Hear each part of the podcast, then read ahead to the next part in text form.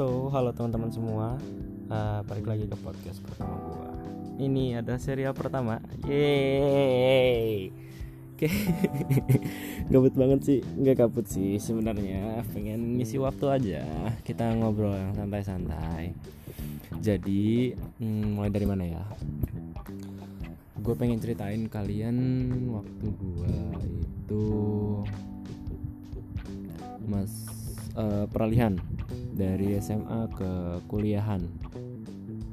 Oke jadi gue itu ada tinggal di SMA favorit di Kabupaten Bogor letaknya di Karadenan. Nah gue itu di sana uh, oke.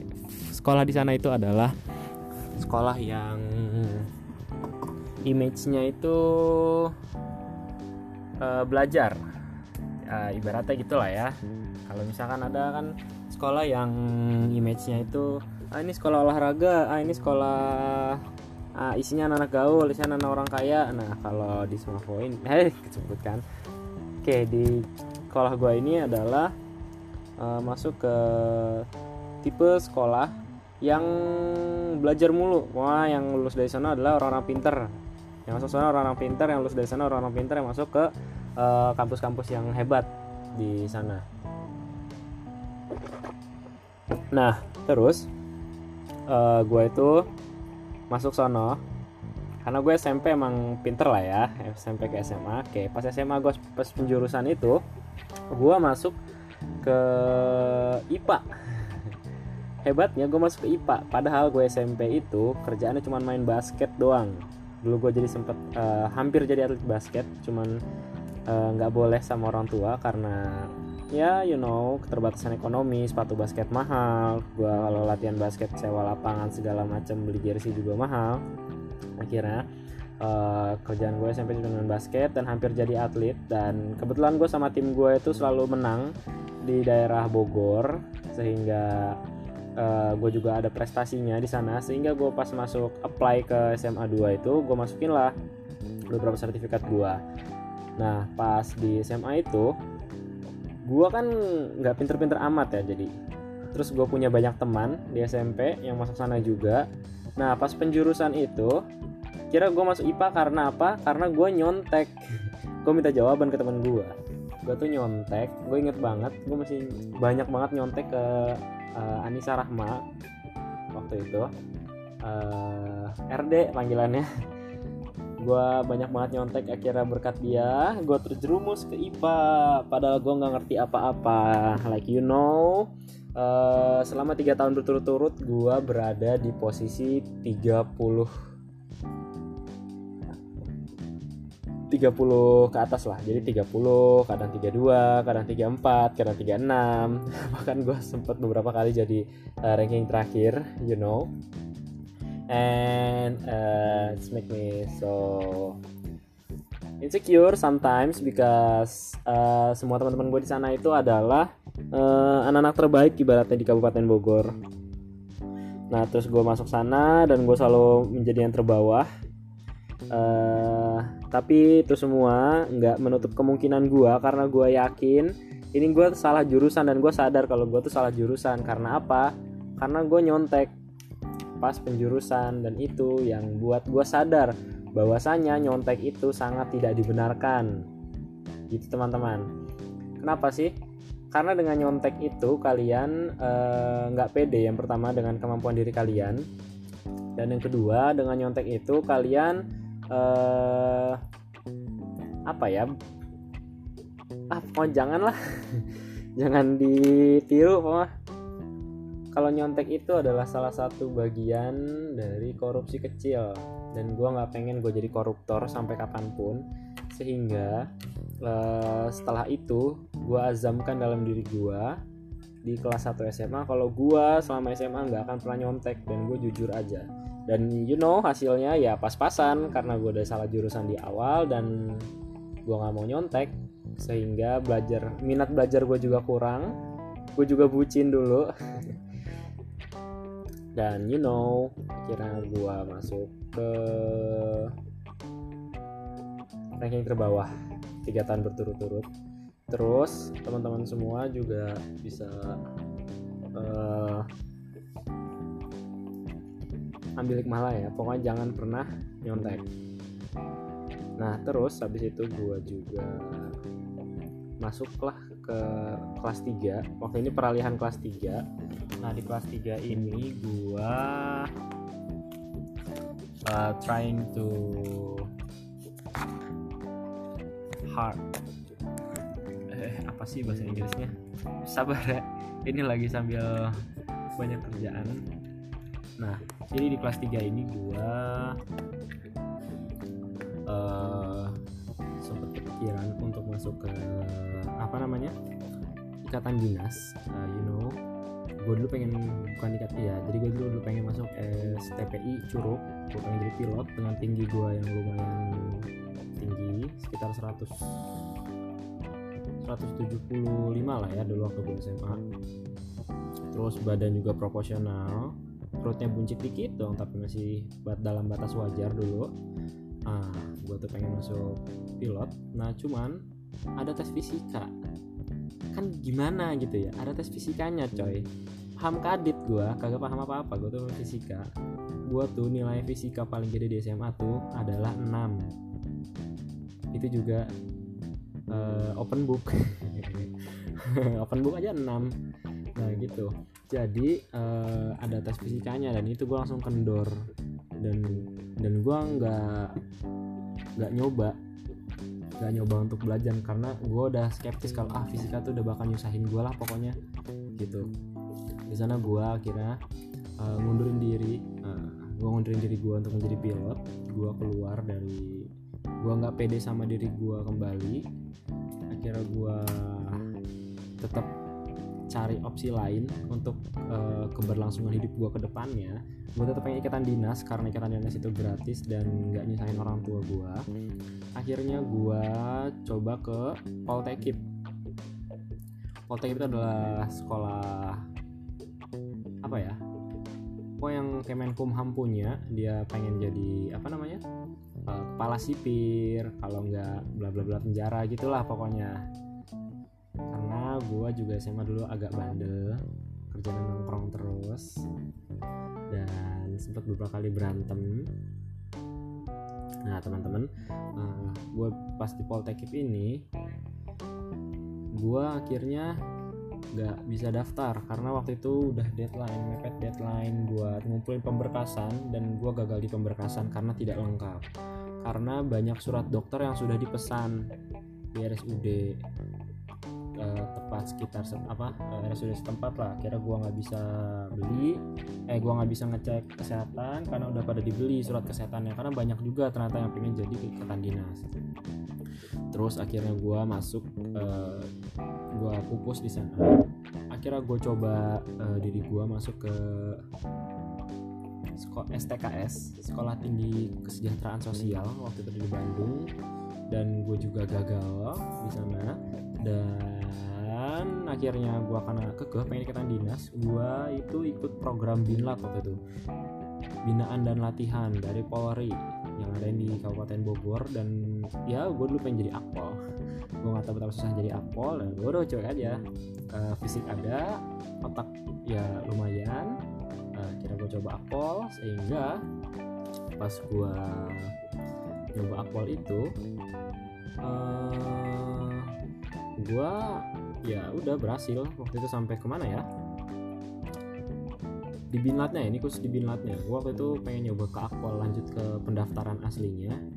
Nah tapi eh, nggak uh, boleh sama bonyok. Karena kata jadi uh, karena gue anak tunggal sebentar harus ninggalin mereka empat tahun ya udahlah mau gimana gue manut aja. Kan udah gitu uh, kebutuhan ekonomi. Jadi pas binat itu gue sudah lolos ibarat kata binat kayak simulasi daf simulasi tes simulasi daftar. Dan pas uh, akpol itu gue memasuki passing grade dan bisa dipertaruhkan. Maksudnya bisa lolos sampai ke Semarang sono lah gitu ibaratnya. Cuman ada catatan gigi gue itu harus di dibenerin. Dibenerin dalam arti bukan berantakan enggak. Gigi gue rapi cuman ada bolong di belakang. Nah terus ada yang bolong di belakang. Setelah konsultasi dengan bonyok kira mereka tidak mengiyakan keinginan gue untuk masuk ke akpol karena keterbatasan ekonomi lagi. So akhirnya gue bingung mau masuk mana di penghujung SMA akhirnya hmm, ada apa ya uh, motivasi kayaknya dari salah satu lembaga uh, motivator terkenal di Indonesia uh, inisialnya ISQ ISQ inisialnya. Punyanya Rigi Nanjar dan waktu itu gue inget banget yang datang ke sekolah gue itu ada uh, kakek Mas ada Kak Surya dan Kak Jaya. Nah gue di sana benar-benar terenyuh dengan seluruh pengorbanan gue yang udah gue lakuin dan akhirnya gagal, hasilnya gagal semua. Nah di sana itu ISQ kayak apa ya nggak bukan ngasih nggak ngasih gue jawaban cuma ngasih sedikit harapan kalau gue tuh masih bisa untuk uh, mempertaruhkan apa yang gue pengen. Sehingga uh, gue pelajarin waktu itu uh, ilmu yang dia kasih ilmu seminar yang dikasih adalah tentang uh, afirmasi. Tentang afirmasi uh, betapa pentingnya afirmasi. Jadi uh, kita di sini udah mulai masuk nih ke inti. Dari 10 menit kalian dengarkan cerita itu adalah hmm, bridging yang awal. Intinya tadi jadi uh, betapa pentingnya afirmasi afirmasi itu kayak menanamkan software ke dalam subconscious. Ini uh, bahasa gue ya yang gue dapet dan gue tangkap ya karena gue bukan ahlinya. Cuman uh, kalian semua bisa uh, searching lagi mungkin ke dengan tuh apa teoritikal yang lebih hebat lagi. Jadi yang gue paham ini kalau afirmasi ini kayak gue nanam software ke dalam alam bawah sadar gue kalau gue tuh mampu kalau gue tuh bisa gitu. Dan akhirnya gue pun uh, mencoba afirmasi ini. Jadi ada tiga teknik dalam afirmasi. Yang pertama itu ambil nafas yang kedua itu ada namanya VAK dan yang ketiga itu ada uh, apa ya repeat kalau nggak salah. Gue lupa juga karena pelajaran SMA eh waktu itu gue dapet SMA dan gue sekarang udah semester 4 nah terus di sana itu ada namanya uh, hala nafas. Jadi kita buat uh, gelombang otak kita menjadi gelombang alfa. Nah di gelombang alfa ini bisa kita bentuk dengan uh, tarikan nafas. Jadi uh, rumusnya itu uh, 10 kali 20 kali 5 jadi 10 tarik 20 tahan 5 hembus gitu. 10 tarik 20 detik tahan 5 hembus. Nah kayak gitu. Itu rumusnya yang pertama. Terus yang kedua itu ada VAK yang pertama itu ada VAK visualisasi terus auditory sama kinestetik. Di sini gua menanamkan dan melibatkan perasaan gua. Uh, kalau gue sudah berhasil itu jadi gue disuruh membayangkan pas gue berhasil pakai VAK itu. Visualisasiin kalau lo berhasil gimana dengerin apa aja suara yang kalau lo udah berhasil kayak gimana dan kinestetik uh, rasain uh, pergerakan apa yang lo rasain kalau misalnya nanti lo berhasil. Dan itu ditanemin di saat gelombangnya alpha. Dan yang ketiga itu lu coba untuk uh, repeat terus terusan. Dan repeat terus. Jadi waktu terbaik pas ngelakuin afirmasi ini adalah pas ketika lu ada di waktu uh, alam semesta pas alpha. Yaitu pas ada di waktu sebelum subuh waktunya orang-orang tahajud. Nah, itu adalah alam semesta raya itu menjadi alfa. Baca atau enggak, tapi itu emang terjadi. Jadi di situ tuh benar-benar fokus, tenang, karena yang bangun lu doang dan lu ngelakuin itu dan yes terjadi sama gua. Uh, beberapa mimpi gua yang gua afirmasi itu terjadi di sana. Uh, karena dan gue yakin sih karena Allah ya pastinya ya. Tapi uh, ini jadi salah satu bantuan gue kalau gue tuh yakin dan bisa. Gue dibentuk kalau gue tuh bisa untuk melakukan uh, apa yang gue pengen apa yang gue mau. Gitu teman-teman. Uh, udah sih segitu aja paling. Apa sih gue nggak tahu sih. Kayaknya ini inti ilmunya tuh dari menit ke 10 sampai ke 15 ini 10 menit awal adalah ya you know. Nah tapi nanti uh, di episode kedua gue bakal ngejelasin apa aja yang mimpi yang udah gue set dan apa mimpi yang udah tercapai lewat si uh, afirmasi ini. So teman-teman semua terima kasih telah dengerin omongan gua yang sangat sangat sangat sangat penting. Ah, tapi bohong ya. apa sih gua? Tidak jelas intinya gitu ya teman-teman. Uh, coba uh, kalian gunain afirmasi ini. Percaya deh sama Allah. Kalau ini jadi salah satu bantuan untuk kalian meraih mimpi kalian. Yeay! Aku seperti seorang motivator sekarang tapi bukan. Aku hanyalah manusia biasa teman-teman. Gitu.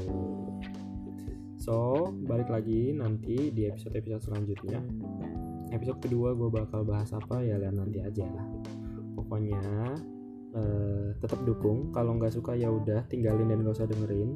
Kalau menurut kalian suka mohon di kontak ke gue apa yang perlu gue bahas dan apa mungkin yang kalian dari request atau mungkin kalian kita bisa uh, collabs bareng. Uh, kan enak kali ya. So teman-teman thank you. Enjoy and